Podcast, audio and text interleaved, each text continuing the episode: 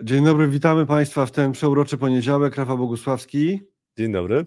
E, ja się nazywam Robert Stanilewicz, Analizy Online i będziemy rozmawiać o rekordowym WIG-u, o tym jak daleko jeszcze może sięgnąć, sięgać w tych e, swoich poziomach. Oczywiście nie tylko o tym i oczywiście tu są opinie, nie ma żadnych rekomendacji. Zapraszamy do tego, żeby dzielić się swoimi opiniami, zapraszamy do tego, żeby zrobić sobie subskrypcję kanału Analizy Live i do zostawiania komentarzy również zapraszamy i na top czacie i pod filmem. Proszę Państwa, czyli mamy rekord na WIG-u, o tym za chwilę będzie więcej, ale mamy też mm, coś, co niektórzy już widzieli, czyli tutaj nad nami jest zupełnie inne to tło niż zwykle. Od, od piątku chyba już tak wygląda szóste forum inwestycji osobistych po prostu nadchodzi. 5 marca 2024 między 10 a 16 online e, za darmo. Wystarczy się zarejestrować. E, wystarczy się zarejestrować e, pod linkiem, który możecie znaleźć na różne sposoby w różnych miejscach. Ja ten link też wrzucam teraz w komentarz, żeby już był od razu na początek, a potem za chwilę powiem gdzieś tam po drodze o tym, co się będzie działo. Bardzo dużo, bardzo ciekawych tematów inwestycyjnych. Poza tą częścią e, zupełnie online jeszcze będzie dodatek nadzwyczajny, bo można też przyjechać osobiście na forum inwestycji osobistych, właśnie osobiście na forum inwestycji osobistych za 49 zł. Tyle kosztują wejściówki, które są do nabycia na Kikecie. E, też link potem się pojawi. Oraz pod filmem i wtedy jak się będzie osobiście, to można się załapać na mm, wystąpienie Rafała, na jego wykład o inwestowaniu w cyklach koniunkturalnych, który będzie o 16 i już nie będzie transmitowany. Ta część nie będzie transmitowana, będzie tylko dla tych, którzy przyjadą osobiście i oczywiście też to będzie okazja do tego, żeby spotkać się z Rafałem Bogusławskim, generalnie z, z, z, analizami i e, zamienić parę słów.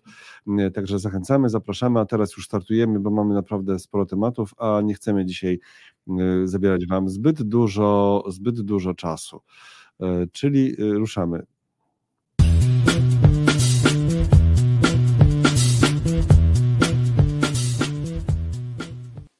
Pierwsze komentarze, takie powitania na razie. Dzień dobry wszystkim, dzień dobry, dzień dobry. Dobry, Bartosz, dzień dobry, dzień dobry. A, hmm, słucham, słucham. Dzień dobry, dzień dobry, dzień dobry. Dzień dobry. Dzień dobry. Same dzień dobry. Adam, tak. No to dobrze, super. Takie też się liczą. Oczywiście bardzo za nie dziękujemy. Czekamy na kolejny dzień dobry, na kolejne cześć i tak dalej. Czekamy też na, was, na Wasze e, jak najbardziej też pytania merytoryczne, komentarze. Mm. Aha, okej, okay, dobrze. Coś mi się tam z datą znowu zrobiło na pasku, a poprawiałem. E, dobrze, startujemy w takim razie. E, startujemy e, w takim razie z tematem, czyli z rekordowym wigiem. Rafale, no, co to się stało? Za chwilę go pokażę, co się dzieje. 80 tysięcy punktów, po raz pierwszy zamknięcie powyżej tego poziomu. To są poziomy, które przepowiadał rok temu już Sebastian Buczek. Chwała mu za to. Natomiast też. Ale on przepowiadał rok temu na koniec roku 2024. No ale to zmieścił się w czasie, gorzej jak to by było za 5 lat. jeżeli, jeżeli już na początku tego roku mamy taki poziom, no to e, pytanie, czy jest bardzo drogo i czy są, czy są zastrzeżenia tego wzrostu takie fundamentalne, to znaczy, że spółki są wycenione już tak kosmicznie drogo, że nie mogą e, akcje rosnąć dalej, no nie są. Patrząc na polski rynek e, akcyjny, też na WIG20, tak, no bo te E, udziały największych spółek mają znaczenie po prostu, też jeżeli liczymy wskaźniki dla całego rynku, to te największe spółki też mają znaczenie, no ale same, sama ich obecność w indeksie WIG e, to jest no, ponad 60%, tak, te największe spółki. Więc, ich, e, ich dywidend też, prawda, w przeciwieństwie do samego WIG-u 20. Bo tak, mamy tak, wszystko. Tak, tak, tak. Znaczy to, ten, to jest indeks, który pokazuje rzeczywistą rzeczywistą stopę zwrotu łącznie z dywidendami. No i teraz 80 tysięcy punktów, taka okrągła wartość. Ten piątkowy styl pokonania tego poziomu no nie był jakiś pasjonujący. Ten rynek poszedł najpierw trochę wyżej, e, a później y, trochę się cofnął, tak, jednoprocentowy wzrost. No i pytanie, co dalej? E, o tyle jest to ciekawe, że utrzymał te wzrosty, pomimo tego, że na rynku amerykańskim zrobiło się nerwowo, bo tam po danych o e, cenach producentów, które wzrosły trochę więcej niż oczekiwane, to tam się zrobiło bardziej nerwowo i amerykańskie rynki jak i spadły.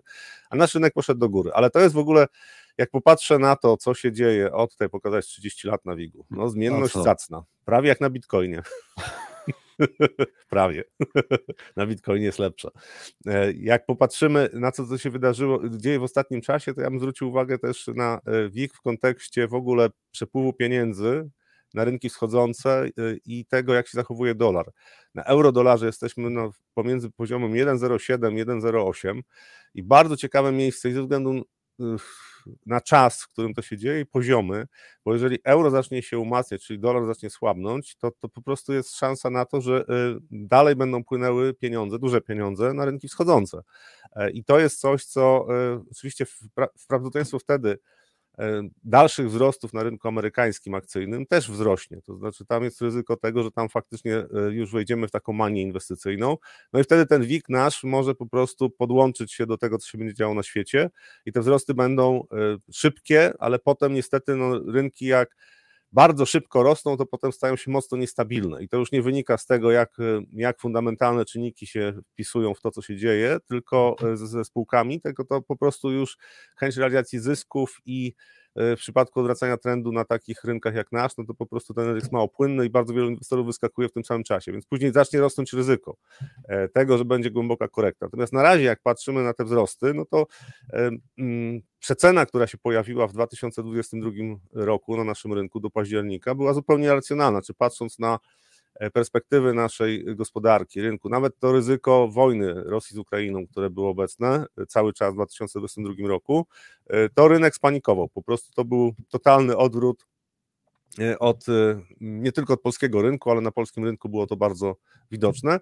Więc my nadrobiliśmy ten okres właśnie racjonalnej wyprzedaży i wróciliśmy do takiego trendu wzrostowego, który według mnie może być kontynuowany. No, problem jest teraz taki, że jak po, po tych szczytach E, z poprzedniej dekady nawet, tak jak zaczniemy te szczyty tak e, zaznaczać, no to jesteśmy znowu bardzo blisko takiego jak ograniczenie poprowadzimy taką linię, która łączy te wszystkie szczyty od 2000 2011 roku, e, to jesteśmy bardzo blisko górnego ograniczenia. Znaczy, to po prostu rynek doszedł do tych poziomów, na których może być jakaś chęć realizacji zysków. Najczęściej to wynika też z fundamentów. Znaczy, po prostu przy pewnych poziomach wycen inwestorzy zaczynają się zastanawiać, czy nie warto zamknąć pozycji. Natomiast ja patrzę na polski rynek e, też w perspektywie nieco dłuższej. Jeżeli jeżeli e, nie będzie przyspieszenia wzrostu w najbliższych, w najbliższych tygodniach, to według mnie to jest w ogóle lepszy scenariusz niż przyspieszenie wzrostu, bo jak dzisiejszych poziomów zrobimy 25%, czyli będziemy mieli 100 tysięcy na WIG-u, to trochę zacznę się martwić o to, że po prostu już za e, mamy za szybko, za szybko, za wysoko, tam też ceny już będą dość wysokie. E, natomiast jeżeli rynek teraz by wszedł jakiś taki okres e, stagnacji, takie jakieś cofnięcie się. Albo tak zwane wspinanie się po ścianie strachu ale wspinanie się po ścianie, po ścianie strachu z tych poziomów, to też w pewnym momencie ktoś musi ustąpić. To znaczy, bardzo prawdopodobne jest, że ci, którzy otwierają krótkie pozycje i próbują grać na spadki, jak zobaczą, że tych spadków nie ma, to w końcu się podłączają do wzrostu, no i potem też są takie wzrosty jak na Nasdaqu pod koniec lat 90. na przykład. No tam też było większość, była większość przekonana, że wzrosty są niemożliwe. E, nasz rynek, według mnie, e, cały czas ma perspektywy do dalszego e, ustawiania nowych szczytów wszechczasów, natomiast no, poziomy są wysokie tak punktu widzenia tak, y, wykresu tej analizy technicznej, to te poziomy w tej chwili są dość wysokie i takie schłodzenie kilkutygodniowe rynku to jest coś, co by się bar bardzo, myślę, spodobało długoterminowym inwestorom. Pan Rafał to dziwny inwestor, nie chce wzrostów. Nie, ja uwielbiam wzrosty, tylko wiem z doświadczenia, że jak te wzrosty przekraczają pewien poziom, to znaczy zaczynają wchodzić właśnie w tą hiperbolę, czyli taką, taką manię inwestycyjną, gdzie inwestorzy w ogóle po prostu zamykają oczy i kupują, tak? bo rynek rośnie tak długo, że wszyscy ci, którzy próbowali grać na spadki, już mówią, dobra, już nigdy nie będzie tych spadków, poddajemy się. To też jest e, na rynku amerykańskim jest widoczne i, i w ogóle też przechodząc na rynek amerykański na chwilę tylko, e, to tam te poziomy na SP500 w okolicach 5000 punktów to są bardzo istotne poziomy, bo jak rynek z tych poziomów nie wejdzie w korektę, mówię korektę, czyli tam powiedzmy 5%, tak, może 7%, e, i rynek jakby się troszkę schłodził, no to w prawdopodobnie mamy potencjał do tego, żeby końcówka roku była na, e, e, na Wall Street rewelacyjna.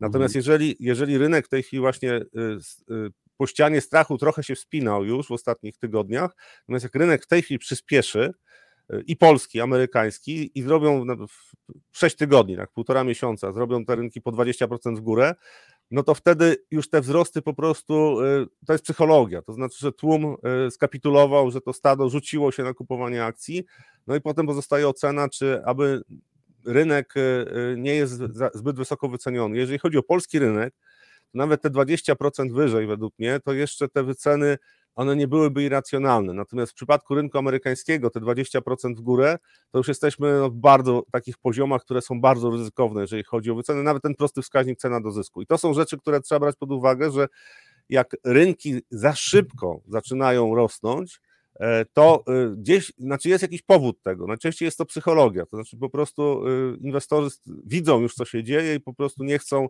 nie chcą e, grać na spadki, nie chcą czekać z kupowaniem, bo widzą, że jak czekają z kupowaniem, e, no to, to, to muszą kupować drożej. I, I, rynek potrafi wejść w taką fazę, gdzie już po prostu jest przyspieszenie wzrostu. I to są ryzykowne e, fazy rynku z punktu widzenia tego, że nikt nie wie, kiedy taka faza wzrostu się zakończy. Być ja może wiem. będzie. Być ja może. Wiem. Tak, kiedy? Kiedy zaczną ludzie sprzedawać swoje kawalerki i inwestować na giełdzie. Ale mówisz o Polsce czy o Stanach? O Polsce Nie, to w Polsce nie, to nigdy nie nastąpi. My mamy taki rynek, że, że Słuchaj, wiadomo, że... Czasami nasza wyobraźnia jest zbyt ograniczona, żeby rozpoznać pewne rzeczy wcześniej. No wiesz, po prostu było tak podobno, tak? No, no, no, było. Ja też było. nie wierzę, y, tak uczciwie mówiąc, nie wierzę, że taki entuzjazm giełdowy może się narodzić znowu, bo to był ten jeden raz w latach 90. dla jakiejś tam grupy społeczeństwa, części społeczeństwa wąskiej raczej, tak?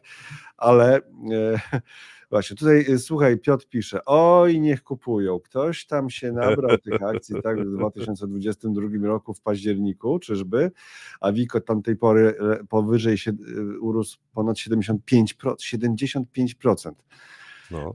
WIK. Dobry wynik. No, dobry wynik, tak? Oj, niech kupują. I co tam jeszcze? No właśnie, ja czekam ze sprzedawaniem, tak. Tylko strach i chciwość rządzi rynkiem. No, no, tak, znaczy te emocje rządzą rynkiem, natomiast e, te przesłanki fundamentalne, czyli to faktycznie, co się dzieje e, w spółkach, e, w gospodarce, bo nie można rozpatrywać rynku tylko przez wyniki spółek. Były okresy na giełdach, kiedy wyceny na poziomie na przykład 8 PDE dla rynku amerykańskiego wydawały się mało atrakcyjne. E, i to wystarczy się cofnąć tam nawet do lat. Poprzed ciekawy się bardzo zrobi, momencik tutaj, tak. Tutaj Rafał, z tymi kawalerkami to może przesada, ale garaże już widziałem, że sprzedają, ale w celu zainwestowania na giełdzie chyba tak nie było w ogłoszeniu napisane. Sprzedaję garaż, bo muszę zainwestować. Z garażami to jest chyba coś, jak, jak, czytałem, to tam w ogóle jakaś jest hossa na, na garażach, to, to mieszkanie mieszkaniami, było. ale garaże. To już było. Właśnie tak, pisze, sprzedają, Rafał. Nie badałem rynku garaży. Czy Tomek ja Narkun zajmuje się również garażami? Ciekawe, czy to nie widać go tutaj. Ostatnio był w piątek, chyba zaglądał do nas. Może to nie psychologia, tylko brak pomysłu, w co inwestować. Nadmiar pieniądza, pisze Zachary. Raf, e, tam takie FED robi, już tylko komentarz, przecież FED robi wszystko, żeby zmniejszyć tą ilość pieniądza, no i, i nadal im się nie udaje? Jak to? Raf, e, e, tam takie wzrosty to nie wzrosty, na krypto to codzienność, a jeszcze ulica nie weszła na rynki, czyli na rynki giełdowe, tak? Tak, no znaczy na krypto też, też patrząc na to, co się dzieje na krypto, tam minima e, październik, grudzień 2022 e, był, Bitcoin był na poziomie 16 tysięcy punktów, teraz jest powyżej 50 tysięcy i tam też widzę, że są podobne mechanizmy jak na rynku akcji, to znaczy wszyscy czekają, że będzie korekta, no i może być niespodzianka. W ogóle to przechodząc na, przechodząc na e, takie zasady inwestowania, to w silnych trendach wzrostowych próba wyznaczenia szczytu i zajmowanie krótkich pozycji to jest najlepsza, najlepszy sposób, żeby pozbawić się kapitału, bo e, rynki zazwyczaj wcześniej pokazują, że już ten e, impet wzrostowy zaczyna słabnąć, najczęściej poprzez wzrost zmienności. I tutaj są i zagrożenia, tak widać zagrożenia, jeżeli chodzi o y, poziom wzrostów, które jest i na WIG-u, i na SP500. Natomiast w tej chwili zakładanie, że szybko nastąpią spadki, no to naprawdę to trzeba mieć duże szczęście, żeby coś takiego trafić. No. Mhm. Trend wzrostowy jest trendem wzrostowym i zazwyczaj trwa dużo dłużej niż w większości się wydaje. Słuchaj, ale nie łamiesz się, jak widzisz ten komentarz e, od Raf, e, jak zakładam Rafał, ale może się mylę że ta nasza, ten nasz konserwatyzm to w ogóle do bani, tak, jeżeli chodzi o tego bitcoina. Dobrze, słuchajcie, tutaj ktoś pisze, e, wcześniej pisał ktoś, no, doktor Szum pisał o, o tym, Hossa ma się wspaniale. Doktor Szum, kto ma wiedzieć, ten wie, y, jest z branży TFI, a więc oczywiście ja wierzę głęboko, że to jest szczera jego wypowiedź, aczkolwiek trzeba brać poprawkę, że jak ktoś ma pod, pod sobą fundusze, to nie będzie mówił chyba raczej, że y, że uwaga. To jest, to jest jeden, jedna z pułapek poznawczych, które Kahneman opisywał. To znaczy, że? Że jak jesteśmy zaangażowani w, po, mm. po, pewnej stronie tak, perspektywy, to, to pewną perspektywę sobie zmieniamy odrobinę. Aczkolwiek tak? to jest tylko stwierdzenie, że Hossa ma się wspaniale i rzeczywiście ona ma się wspaniale. Tak, no nie ma, no, ma się patrząc, wspaniale patrząc na, na to, co się, co się działo w ostatnich e, miesiącach na naszej giełdzie, e, no to ma się wspaniale. Podobnie jest na giełdzie amerykańskiej, tam też ma się wspaniale. Na japońskiej giełdzie ma się wspaniale. Na no niemieckiej i, giełdzie ma się wspaniale, tak? No i na niemieckiej. Nie Niemiecka to mnie najbardziej zaskakuje. Bo to, chociaż ostatnie tam kilka tygodni to Aha. DAX stoi w miejscu niemal, mhm. ale mimo wszystko no, te wzrosty, które były wcześniej, to dla DAXa to, to mnie zaskoczyły. To, to jest coś, co w ogóle Wcześniej też wspominaliśmy o tym, że Sebastian Buczek, prezes Quercus TFI już w 2023, tak? Na początku gdzieś tam marcu. mówiłeś, tak? Marcu, w marcu, tak, mam artykuł na analizy.pl. W 2023 mówił, że w 2024 będzie 8 tysięcy na WIG-u, potem z grudniu... 80. też mówi, 80 tysięcy oczywiście, potem, że 86, tak? Między 80 a 86. My też mieliśmy rozmowę, gdzie te rozmowy, gdzie te prognozy przypominał. No i tutaj jest e, Tomasz pisał, panie Robercie, to poprosimy prezesa Buczka do live'a z komentarzem. Chcecie? Macie. To się da załatwić oczywiście. Niebawem. To załatwić, no, kurde. To tak jak, jak Weidman to był prezes, to był prezes Bundesbanku, i był strasznie przeciwny, e, żeby wprowadzić e, skup aktywów przez Europejski Bank Centralny, żeby nie kupowali obligacji. E, I podobno była taka rozmowa, że do Dragiego poszedł i powiedział, że skup aktywów przez EBC to po moim trupie. Na co Dragi spokojnie powiedział, to się da załatwić. I, dwa, I miesiąc później był skup aktywów uruchomiony. E, nie, tak, nigdy nie, nie bagatelizowałbym e, gruźb wypowiadanych przez Włochów. Rzeczywiście. No tak. E, no, Weidman już Paweł, nie jest prezesem. No tak, tak. tak. Pa, Paweł, pisze Paweł Agro, są głosy, że kryzys ma przyjść ze strony nieruchomości komercyjnych. Może Tomek Narkun trafi. Znaczy, no, tutaj bym też powiedział, że trochę inaczej wygląda sytuacja w innych e, rynkach, zwłaszcza Stanach Zjednoczonych. Poczekaj, bo Dave, poczekaj, już Dave do, tego, Dave do tego odpowiada Pawłowi. E, tam już jest kryzys i to poważny, tylko wszyscy udają, że go nie widzą. No dobrze. Znaczy w Polsce to w ogóle mamy sytuację taką, że rynek nieruchomości w porównaniu z europejskimi rynkami to on się zachowuje fantastycznie, czyli tutaj rosną ceny. W Niemczech, Szwecji tam ceny Ale nie tylko komercyjnych? No nie tylko, nie, nie, nie, tylko, mówię ogólnie. ogólnie. Ale komercyjne w Polsce też zachowują się relatywnie dobrze w porównaniu z tym, co się dzieje na przykład w Europie, a skąd wiesz w Stanach Zjednoczonych. W Polsce? A skąd wiesz o komercyjnych w Polsce? Bo znaczy, czytam komentarze, znaczy to nie jest Aha. jakieś wielkie badanie, bo, bo, tak? Tylko... bo nie mamy, bo, bo tam są rejty, rity, jak to woli, tak. tak. na nieruchomości komercyjne. W Polsce takiego na polskie nieruchomości to Ale można znaleźć ma. te dane na temat tego, jakie tam, jak wyglądają ceny najmu na przykład powierzchni biurowych, tak?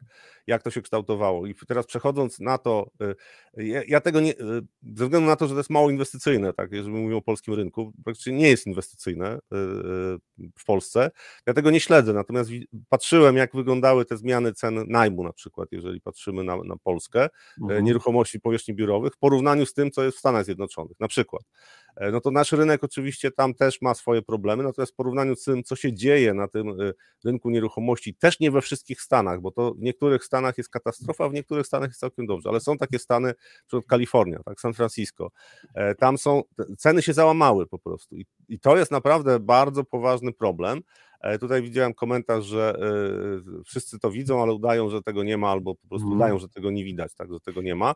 Natomiast też warto pamiętać, że to nie jest, to nie jest aż tak. Hmm, to jest aż tak wielka bomba, jaką były subprime. Tak? To, to po prostu to się odbije na, na gospodarce, odbije się na rynku, natomiast to nie wywróci całego systemu. Nawet jeżeli E, oni tam potrzebują półtora biliona dolarów zrolować, jeżeli mówię o Stanach Zjednoczonych, tak? Jeżeli półtora biliona dolarów długu potrzebują zrolować w ciągu najbliższych powiedzmy 20 30 miesięcy, tak mniej więcej, no to może się okazać, że nie będą w stanie tego zrobić i będą bankructwa. Natomiast jakieś banki regionalne pewnie też będą padały, natomiast to nie jest to, co się wydarzyło w 2008 roku, więc to zagrożenie jest. W mhm. Polsce my jesteśmy w ogóle w takiej sytuacji, że my ten nasz rynek nieruchomości tylko utwierdza, przede wszystkim oczywiście rynek mieszkaniowy, utwierdza inwestorów, że na, na polskim rynku nieruchomości nie można stracić. No, zobaczymy za kilka lat, bo e, Rząd y, dużo zrobił, żeby zwłaszcza jeżeli chodzi o rynek mieszkaniowy, tutaj ceny nie spadły, natomiast y, jak długo to mhm. będzie w ten sposób się zachowało, no to zależy też od tego, co się będzie działo na świecie, bo tam jak nie powrócą wzrosty na rynku mieszkaniowym, na przykład w Europie, no to myślę, że nasz rynek też nie będzie w stanie utrzymać tego trendu wzrostowego. Y, to jest dobry moment, żeby przypomnieć, że na forum inwestycji osobistych, które odbędzie się 5 marca e, online się odbędzie, oczywiście z tym dodatkiem dla tych, którzy przyjadą osobiście za 49 zł, kupując bilet na Kiket, e, którym to dodatkiem będzie spotkanie z Rafałem i jego wykład o inwestowaniu w cyklach koniunkturalnych, tylko dla osób obecnych tam na miejscu, czyli w Galerii Młociny, w Teatrze WAM. To jest dobry moment, żeby przypomnieć, że będzie też temat właśnie o nieruchomościach komercyjnych. REIT, y, tania alternatywa dla polskich nieruchomości. Y, I to będzie prezentacja Jakuba Pacholca z Mount Tefi, człowieka, który ma taki fundusz oparty na rejtach i masa o tym wie. Y, też y, warto posłuchać y, z tego, co ma do powiedzenia. Ja słuchałem jego wystąpienia kilka miesięcy temu i tam już wtedy mówił o tym, że nieruchomości komercyjne są bardziej, bardziej przecenione nawet niż w okolicach właśnie Limana, tak, niż wtedy. Tylko, tylko tak się zastanawiam, tak, bo to jest takie proste. Naj, przecenione bardziej niż w czasie wielkiego kryzysu finansowego. No okej, okay, ale wtedy nie było pracy zdalnej nie było e, najpierw lockdownu, potem pracy zdalnej, więc kto wie, to może jest jednak czynnik, który sprawia, że sytuacja tam może być, te wyceny mogą być jeszcze niższe niż były wtedy. I pytanie, kiedy się zatrzymają, gdzie jest dno. Ale faktycznie krajobraz na pewno tych nieruchomościowy bardzo precyzyjnie zostanie pokazany e, przez Jakuba Pacholca z Mount EFI o 11.45 e, w takim krótkim wystąpieniu, bo tutaj te wystąpienia nie są długie, podstawowe rzeczy o właśnie tym kryzysie w nieruchomościach komercyjnych w Stanach. I pytanie w Europie też. I pytanie, czy to jest inwestycyjna jakaś okazja. Ale my wróćmy do naszego timeline'u, do, do, naszych tematów zaplanowanych, czyli już możemy się, ciężko się rozstać z tym wigiem, który bije rekordy, no ale e, chyba czas już e, jednak najwyższy, tak? I przejść do innych tematów, bo już 9.10 no się, e, czy, czy, czy 9.08 e, się zrobiła, prawie 9.10, no to w takim razie e, ruszamy.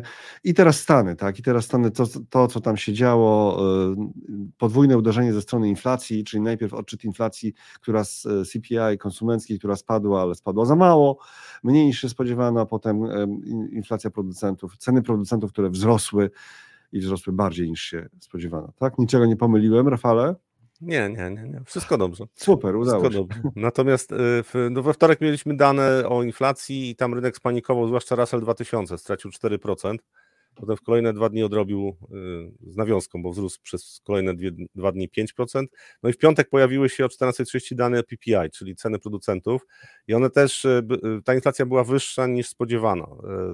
I, i ta zwykła PPI i, bazowa, tak? Czyli obie, obie, obie te inflacje wzrosły więcej niż się rynek spodziewał e, i e, reakcja, tak? E, mm, reakcja rynków była nerwowa. To znaczy, na początku oczywiście pojawiły się spadki, potem były próby po otwarciu sesji kasowej, potem były próby podniesienia rynku, no ale końcówka sesji jednak były jakieś spadki. Natomiast y, zmienność była dużo mniejsza jednak niż to, co się wydarzyło we wtorek. E, jakie ma to znaczenie z punktu widzenia, e, z punktu widzenia rynków? No te PPI dane, znaczy ta inflacja PPI, ona jest mniej istotna z punktu widzenia Fedu również, e, bo bardziej oni patrzą na to, jakie są, jakie są możliwości obniżenia inflacji bazowej w najbliższym czasie albo tej inflacji PCI, tego, tego miernika, który oni, oni uważają za, za istotniejszy.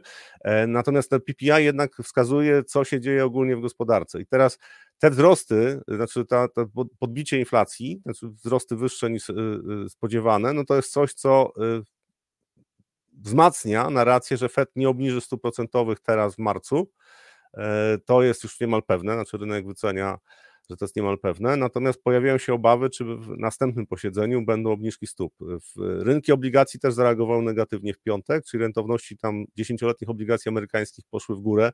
Przez chwilę powyżej 4,30 się znalazły, ale potem potem e, cofnęły się poniżej tego poziomu. No i znowu bardzo ciekawy będzie ten tydzień, bo e, mimo wszystko, mimo że te dane się pojawiły, e, to niekorzystne z punktu widzenia tego, czego spodziewali się inwestorzy, to paniki specjalnie nie było. Co wskazuje, że być może ten rynek jest i rynek obligacji, po pierwsze jest blisko takich poziomów, bo 4,30 4,40 to mi się wydawało rentowności na obligacjach amerykańskich, to jest taki poziom, przy którym inwestorzy zaczną się zastanawiać, czy dalej warto sprzedawać obligacje, bo to już może być całkiem atrakcyjny poziom e, z punktu widzenia też chociażby poziomu inflacji, która w tej chwili w Stanach Zjednoczonych i poziomu stóp procentowych, które mogą być za powiedzmy dwa lata, tak, jeżeli nic się nie wydarzy wielkiego w gospodarce.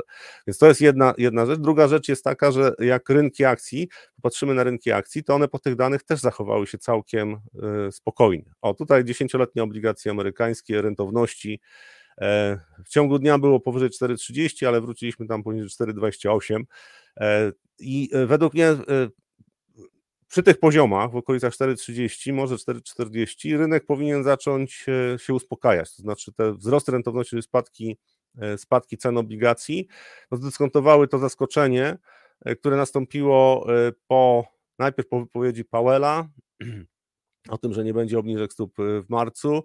Potem były dobre dane z rynku pracy, no i teraz były jeszcze dane o inflacji, która jest wyższa niż y, spodziewana. Czy poprzedni tydzień to były te kolejne impulsy, które spowodowały, że rentowności poszły w górę. Natomiast y, patrząc trochę dłuższej perspektywie, no to tylko jakieś nie wiem, geopolityczne zaburzenia, czyli na przykład wzrost cen ropy bardzo gwałtowny, może inflację bardzo mocno pchnąć w górę. Raczej taki scenariusz, w którym ta inflacja w Stanach Zjednoczonych, ona tam odbije trochę, w drugiej połowie roku, ale to już nie będą wzrosty powyżej, e, powyżej 5%, jeżeli mówimy o inflacji, no to jest taki scenariusz, który jest prawdopodobny. Z tej perspektywy najbliższe kilka tygodni według mnie to będzie uspokojenie na tym rynku obligacji, co e, Patrząc wcześniej, jak się rynek akcji zachowywał, kiedy rentowności e, chociaż trochę spadały, to rynek akcji zachowywał się całkiem nieźle w tym czasie. Pytanie, czy ta zależność zostanie utrzymana. Druga rzecz, rynek akcji też nie przejął się aż tak bardzo tymi danymi. To też pokazuje, że no, inwestorzy dyskontowali te e, niepokoje, które się pojawiły we wtorek. E, te dane już nie były tak e, bardzo, nie przestraszyły ich tak mocno. Te spadki w, w piątek nie były bardzo duże, tak. Pół procent SP500 spadł. Natomiast jeszcze, jeszcze ciekawsze jest to, co się dzieje na rynku walutowym, bo tam euro, dolar spadł powiedzmy 50 punktów bazowych mniej więcej, może, może 60 i znowu reakcja była bardzo umiarkowana. To jest kolejny dzień, kolejne dane, kiedy pojawiają się informacje, które powinny umocnić dolara, bo ja patrzę oczywiście przez pryzmat dolara, natomiast to się nie dzieje. A tutaj euro-dolar, tak, i jesteśmy, na, jesteśmy pomiędzy 1,07, 1,08 i, i tutaj już od y, ponad tygodnia rynek, rynek w tym obszarze y, y, operuje i te, te poziomy są bardzo interesujące, bo jeżeli rynek y, y, walutowy w najbliższym czasie nie zacznie, y, nie pokaże się umocnieniem dolara, to według mnie scenariusz tego, że mamy jeszcze dodatkową, dodatkową falę wzrostów na rynkach akcji będzie, będzie wzrastał. Ze względu na to, że jak słabnie dolar, najczęściej jest to sprzyjające w ogóle dla ryzykownych aktywów w ogóle na świecie. Więc ja tutaj bardzo uważnie obserwowałem, co, co będzie robił euro-dolar albo dolar, bo też indeks dolara obserwuje, co będzie robił po tych danych. No i była reakcja, ale bardzo krótkotrwała. Dzisiaj euro-dolar e, lekko poszedł do góry.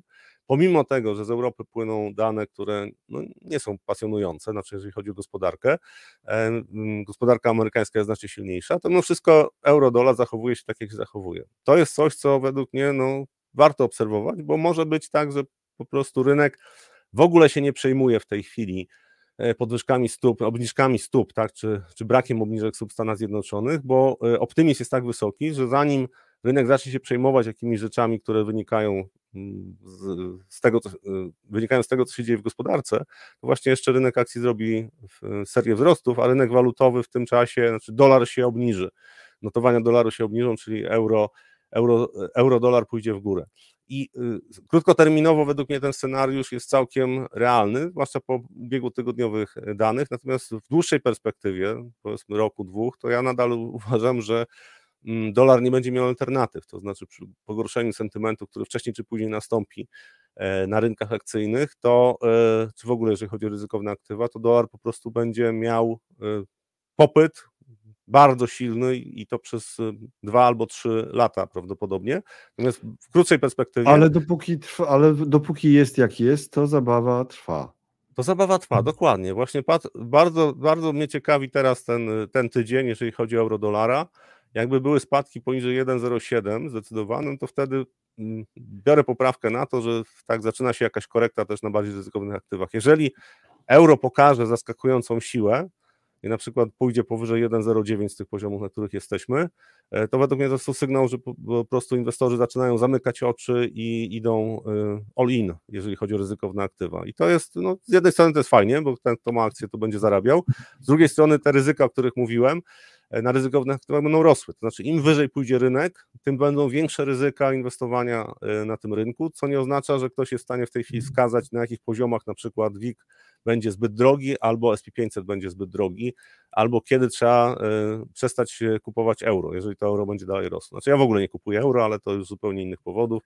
E, jeżeli ktoś, jeżeli ktoś chce na walutach inwestować, e, no to powinien sobie wybrać takie pary walutowe, które, które mu odpowiadają i raczej spekulować niż, niż inwestować, chyba że traktuje tę część portfela jako zabezpieczenie, czyli tam powiedzmy, nie wiem, 5%, 10% portfela mam w walutach i to jest hedge. Ale w walutach nie ten, ale w jaki sposób w walutach? Dolarze.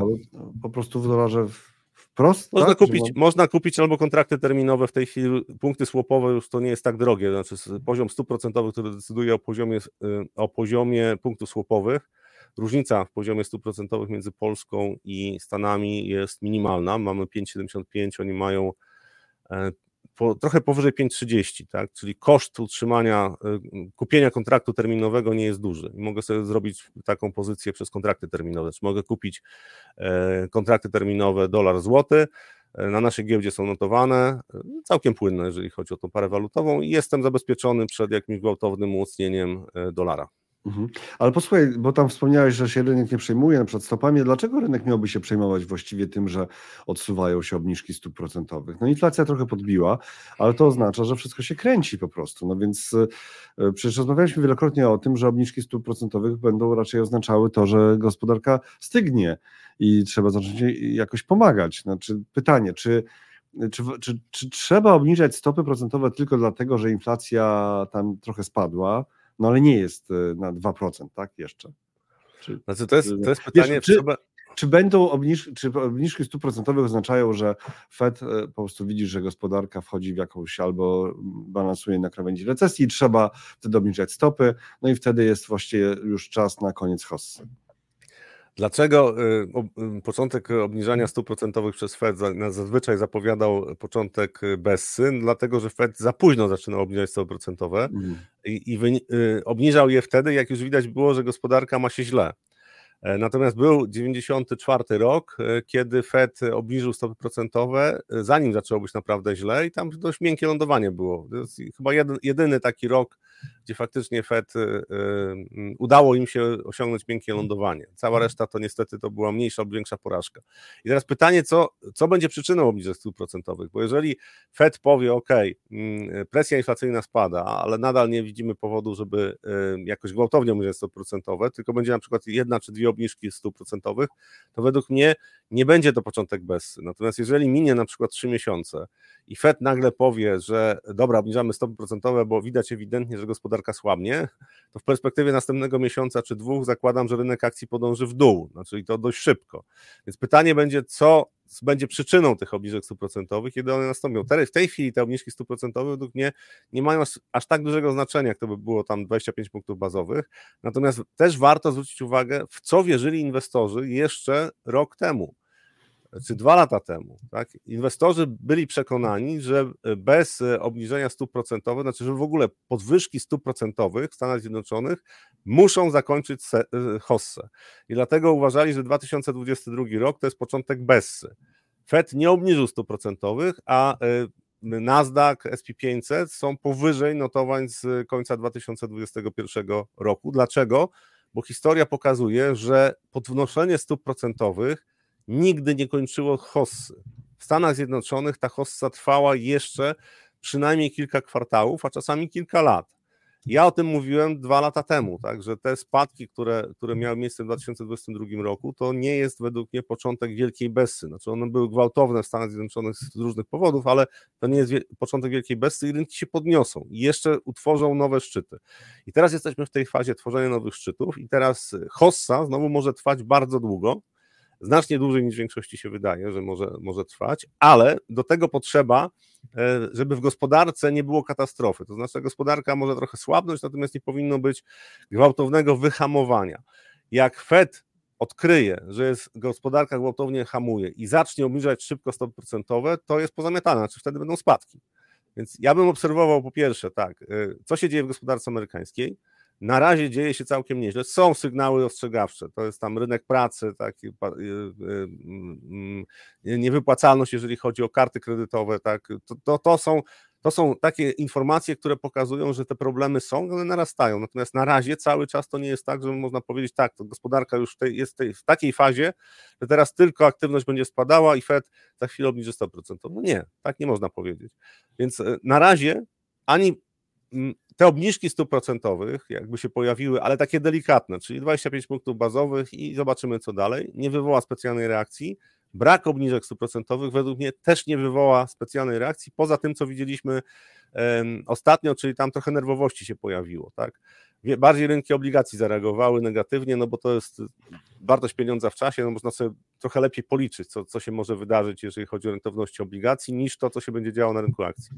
Więc na razie bez gwałtownych ruchów, jeżeli chodzi o poziom stóp procentowych, to myślę, że te decyzje Fedu nie mają aż takiego znaczenia dla rynku. Mhm. Piotr Maciek pisze, po co obniżać stopy, jak gospodarka idzie w górę, ale teraz przechodzimy do yy, ba, innego, bardzo ciekawego tematu. Proszę bardzo. Y, jak, wyszło, jak wyszli ci, którzy inwestowali w koniec świata, czy e, w cokolwiek podobnego, tak? E, tak, to, to, to jest w ogóle mm, mm, Nassim Taleb, czyli autor książki Czarny Łabędź, on też ma, miał, nie wiem czy jeszcze ma, bo ja już przestałem śledzić co on robi, ale e, miał taki fundusz, który właśnie inwestował w ten sposób, że przede wszystkim kupował aktywa, które zachowują się dobrze, w momentach, kiedy pojawiają się szoki bardzo duże, inwestycyjne. I y, no tak, naturalny. Pisał sobie tam taki fragment, utkwił mi w pamięci, że ma, ma tam panego końcówkę Bloomberga, tak, i nie zwraca uwagi na rynek do momentu, kiedy ten rynek nie ruszy się o 7% w czasie jednej sesji. To no coś tak, takiego natomiast, mogłem trochę przekształcić. Natomiast, natomiast te strategie, które pozwalają zarabiać na gwałtownych spadkach, to przede wszystkim kosztują i to jest kupowanie opcji put, czyli opcji sprzedaży. E, oczywiście są inne strategie, które nie są aż tak pewne, bo na przykład kupowanie obligacji amerykańskich niekoniecznie e, będzie działało tak dobrze, jak działało kiedyś, bo rynek się trochę zmienił. Podobnie frank szwajcarski czy jen japoński to już nie są takie waluty, które można zakładać, że na pewno dobrze się zachowają w momencie, jak będzie się działo coś, jakiś Armagedon na, na, na rynkach światowych. E, natomiast warto pamiętać o tym, że takie fundusze, tu jest o, o historia dwóch ETF-ów, a zwłaszcza jednego FTF-a, który stracił 99% wartości. Dlaczego? No bo właśnie zajmował cały czas pozycje krótkie, czyli kupował opcje. Opcje kosztują. Teraz przyjmijmy, że mam strategię, mam powiedzmy 100 tysięcy dolarów, tak, przykładowo, i e, chcę e, mieć ekspozycję na rynek e, w momencie, jak będą spadki, ale nie chcę ponosić ryzyka dalszych wzrostów, a chcę za to zapłacić, czyli kupuję opcję put. Bardzo często out of the money, czyli z ceną znacznie poniżej obecnego poziomu, na przykład indeksu na SP500. I mówię sobie tak, dzielę ten 100 tysięcy dolarów na takie partie po 2%, tak? czyli 50, 50 inwestycji, 50 miesięcy mogę inwestować w opcję put i jak za którymś razem trafię, no to po prostu y, tylko te spadki muszą być ponad 30% szyb, dość szybko. E, to, y, to, y, to zarobię kokosy. No i to jest właśnie efekt takiej strategii. Tutaj ten, ten ETF e, właśnie się likwiduje, tak, ze względu na to, że no 99% wartości stracił. Dlaczego? Bo ponosił koszty a w ostatnich, ostatnich dwóch latach nie było takich spadków. To znaczy, rynek oczywiście w 2022 spadł, ale to nie były spadki tak gwałtowne, bo jeszcze, jeżeli kupujemy opcje, to warto pamiętać o tym, że e, ze względu właśnie na te koszty, które ponosimy, to tylko w momencie, jeżeli są bardzo szybkie spadki, bardzo gwałtowne, tak jak na przykład było w 2020 roku w marcu, dopiero wtedy my zarabiamy kokosy. Bo jeżeli spadek jest e, wolniejszy, to jeżeli kupiłem tych opcji, na przykład tak, że mam zabezpieczone pozycje na 3 miesiące, ale e, im więcej mija czasu, tym mniejszy zysk będę miał. To znaczy ten ruch rynku, e, na przykład pod koniec tego 3-miesięcznego okresu, pozwoli mi zarobić znacznie mniej. I to są pułapki, na które e, inwestorzy, którzy takie strategie sobie tworzą, nie zwracają uwagi, bo zakładają, że są w stanie wytrzymać wystarczająco długo, albo do, aby doczekać się takiego spadku. No i historia tych funduszy pokazuje, że koszty zabezpieczeń są tak duże, że strategia, taka strategia w dłuższej perspektywie nie sprawdza się. To jest przeciwne temu, co Nassim Taleb mówił, ale on mówił, że świat się staje coraz bardziej e, kruchy, jeżeli chodzi o w ogóle inwestycje i inne e, aspekty życia, że po prostu takie wydarzenia będą się zdarzały coraz częściej. Znaczy takie tąpnięcia rynków, jak były w 2008 roku, e, takie wielkie bessy, że to będzie się działo coraz częściej, coraz szybciej te ruchy będą postępowały. E, historia tego ETF-a pokazuje, że niekoniecznie. To znaczy tutaj e, półtora roku spokoju spowodowało, że straty są gigantyczne, nie do odrobienia w tej chwili, bo oni się likwidują. Drugi fundusz stracił tam 49% e, w wycenie, czyli miał mniej agresywną strategię, nie, nie, nie kupowali tak dużo opcji i nie mieli tak dużej ekspozycji. Jeszcze, jeszcze trwają, natomiast do czego zmierzam? Jeżeli chcę zabezpieczyć część portfela, to czasami warto to zrobić, natomiast nie warto zabezpieczać całego portfela, bo tutaj może się okazać, że e, koszty zabezpieczeń zjedzą mi zyski w dłuższej perspektywie. Słuchaj, Rafale, chyba wyczerpaliśmy.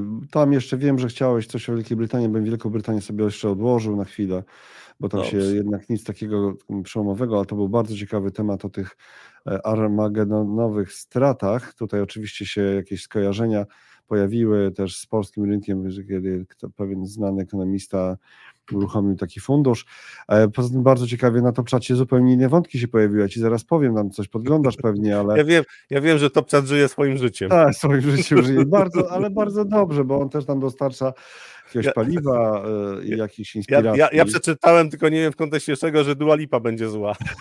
w kontekście Albanii, bo wyobraź sobie, e, pojawił się bardzo intensywny wątek o nieruchomościach, bardzo ciekawy i ten wątek e, tak zmigrował w kierunku Albanii, nieruchomości w Albanii za sprawą Zacharego, który podał cenę metra w mieszkaniach gdzieś tam w Albanii. No i tak potem wątek albański, taka, takie przerzucanie się argumentami, że to jest kraj, który się będzie rozwijał, czy nie. No i właśnie Dua Lipa, e, która jest chyba generalnie z Kosowa, zamieszkanego w większości przez Albańczyków, e, że to dlatego ona będzie smutna, tak? Ale, za, ale to o tej, du, o, jak się odmienia Dua Lipa? Duły, no dobrze, nie będę próbował, nawet to Zachary napisał, to naprawdę szerokie spektrum zainteresowań, jak widać. E, Szacunek. Zacharego, szacunek. E, to słuchajcie, to teraz za, jeszcze, dlatego to teraz już mówię, że już kończymy powoli, ale dlatego, że chcę jeszcze e, zacytować kilka komentarzy, ale zanim zacytuję kilka komentarzy, to teraz dwa słowa o tym, co przed nami, proszę, proszę Państwa, w innych, w innych formatach. Może tutaj w komentarzu się pojawił gdzieś już link do, w komentarzu na top czacie jeszcze muszę go wrzucić pod filmem zaraz po zakończeniu naszej transmisji na żywo, że w środę najbliższą o godzinie 12 Grzegorz Szałpuk będzie opowiadał o najbezpieczniejszych funduszach inwestycyjnych na kanale YouTube'owym Platformy Inwestycyjnej Kup Fundusz, a także na Facebooku na, i na LinkedInie będzie to widoczne. Y, y, ale na kup funduszowych mediach, na kup funduszowych, Platforma Inwestycyjna Kup Fundusz, Grzegorz Szałpuk, szef y, Platformy Inwestycyjnej Kup Fundusz, najbezpieczniejsze fundusze inwestycyjne i też jak one działają, jak to, jak to, jak one działają i co tam się w środku dzieje. Tak, żeby zrozumieć, taki edukacyjny materiał, ale oczywiście to będzie na żywo i oczywiście po to, żeby można było zadawać pytania, więc zachęcamy do tego, żeby zajrzeć w środę o godzinie 12.00 albo 12.05, 12.10, mniej więcej godzinę, 50 minut te, trwają te spotkania i będzie opowieść o najbezpieczniejszych funduszach inwestycyjnych w Polsce. E, to ta rzecz, a ta rzecz, którą widzicie nad nami, czyli Forum Inwestycji Osobistych 5 marca 2024. Teraz muszę e, znaleźć to miejsce właśnie, gdzie widać też graficznie Forum Inwestycji Osobistych. Zachęcamy do rejestracji. Ta rejestracja jest już otwarta. Online, e, online konferencja za 15 dni. Proszę bardzo, Forum Inwestycji Osobistych. Tak króciutko lecąc przez program, który jak sobie wejdziecie e, na, to, na tę stronę, to zobaczycie dokładnie, obligacje skarbowe, czy trzeci rok z rzędu na plusie, rozmowa z ekspertami, jak zacząć inwestować i co można z tego mieć. O proszę, bardzo ciekawe, tam Tomasz Korab będzie, e, Tomasz Matras z e, TFI-PZU, Michał Masłowski ze Stowarzyszenia Inwestorów Indywidualnych, a poprowadzi ten, tę dyskusję Katarzyna Sekścińska, znana pewnie bardzo wielu z Was Mm, osoba. Dalej, rejty, o których już wspominałem, e, będą kobiety i finanse. E, rozmowa, którą poprowadzi Jagoda Fryc z Patrycją Bereźnicką z PKO TFI. E, czy obligacje korporacyjne dadzą dwucyfrowe stopy zwrotu? Mm, najpopularniejsze ETF-y, co sprzedaje się w biurach maklerskich, Tutaj Robert Sochacki w rozmowie z Jagodą Fryc właśnie też również od nas. E, I love cash, bezpieczeństwo nareszcie w cenie, czyli globalnie o funduszach e, tych bardzo, bardzo bezpiecznych, e, takich równoważnych z gotówką, ale inwestycjach. PPK na fali, te liczby powinien znać każdy. Nagrody dla zarządzających według metodologii analiz online dla tych najlepszych. Akcje na koniec, gdzie i jak inwestować, żeby zarobić. I to będzie koniec części online. Y, rejestrujecie się już, tak? Coś słyszę, rejestrujecie się. Koniec części online. A dla tych, którzy znajdą czas i 49 zł, żeby przyjechać y, do Galerii Młociny 5 marca y, o godzinie, na godzinę 10, zostać na całą konferencję, to na, o 16 zacznie się spotkanie z Rafałem Bogusławskim. Tak, tak, z tym Rafałem Bogusławskim dokładnie na żywo, ale tylko dla tych, którzy będą na miejscu. I to będzie to będzie wykład, to będzie prezentacja o cyklach koniunkturalnych w inwestycjach i także możliwość zadania wprost Rafałowi wszelkich pytań związanych oczywiście z rynkami i z inwestycjami. E, no dobrze, to tyle. Pod e, filmem pojawią się te linki również. No i co? To chyba tyle na dzisiaj, proszę tyle. Państwa. Tak? Jutro, jutro Tomasz Korab będzie z nami. Zróbcie tur po Polsce. Ja już mówiłem, rzeczywiście, jeżeli będziemy mieli takich sygnałów z konkretnego miasta, nie wiem, choćby 50. Osób, to ja będę jak tur. Tak? tur. To tur, Rafał, a kawał chłopa jest, przyjedzie do tego miejsca. Dajcie 100 za udostępnienie ostatniej części online. Ha, w ten sposób, tak? No proszę, proszę. E, nie, tym razem jest tak, że po prostu to jest, a, że daje 100 NCWK. Tym razem jest tak, że to jest dodatek tylko dla tych, którzy e, przyjadą do Galerii Małciny 5 marca start konferencji, która też będzie tam e, w, takiej fizycznej postaci, też będzie można siąść od początku o godzinie 10, a spotkanie z Rafałem i, i prezentacja Rafała o godzinie 16, tylko dla obecnych na konferencji e, w tym wariancie fizycznym. Dziękujemy pięknie, do zobaczenia. Jutro o 8.45 Tomasz Korab, obserwujcie powiadomienia, co się będzie działo dalej. E, kończymy. Dziękuję bardzo. Do zobaczenia. Do zobaczenia. Jeszcze przez parę sekund można coś pisać w komentarzach na to czacie, a potem już pod filmem.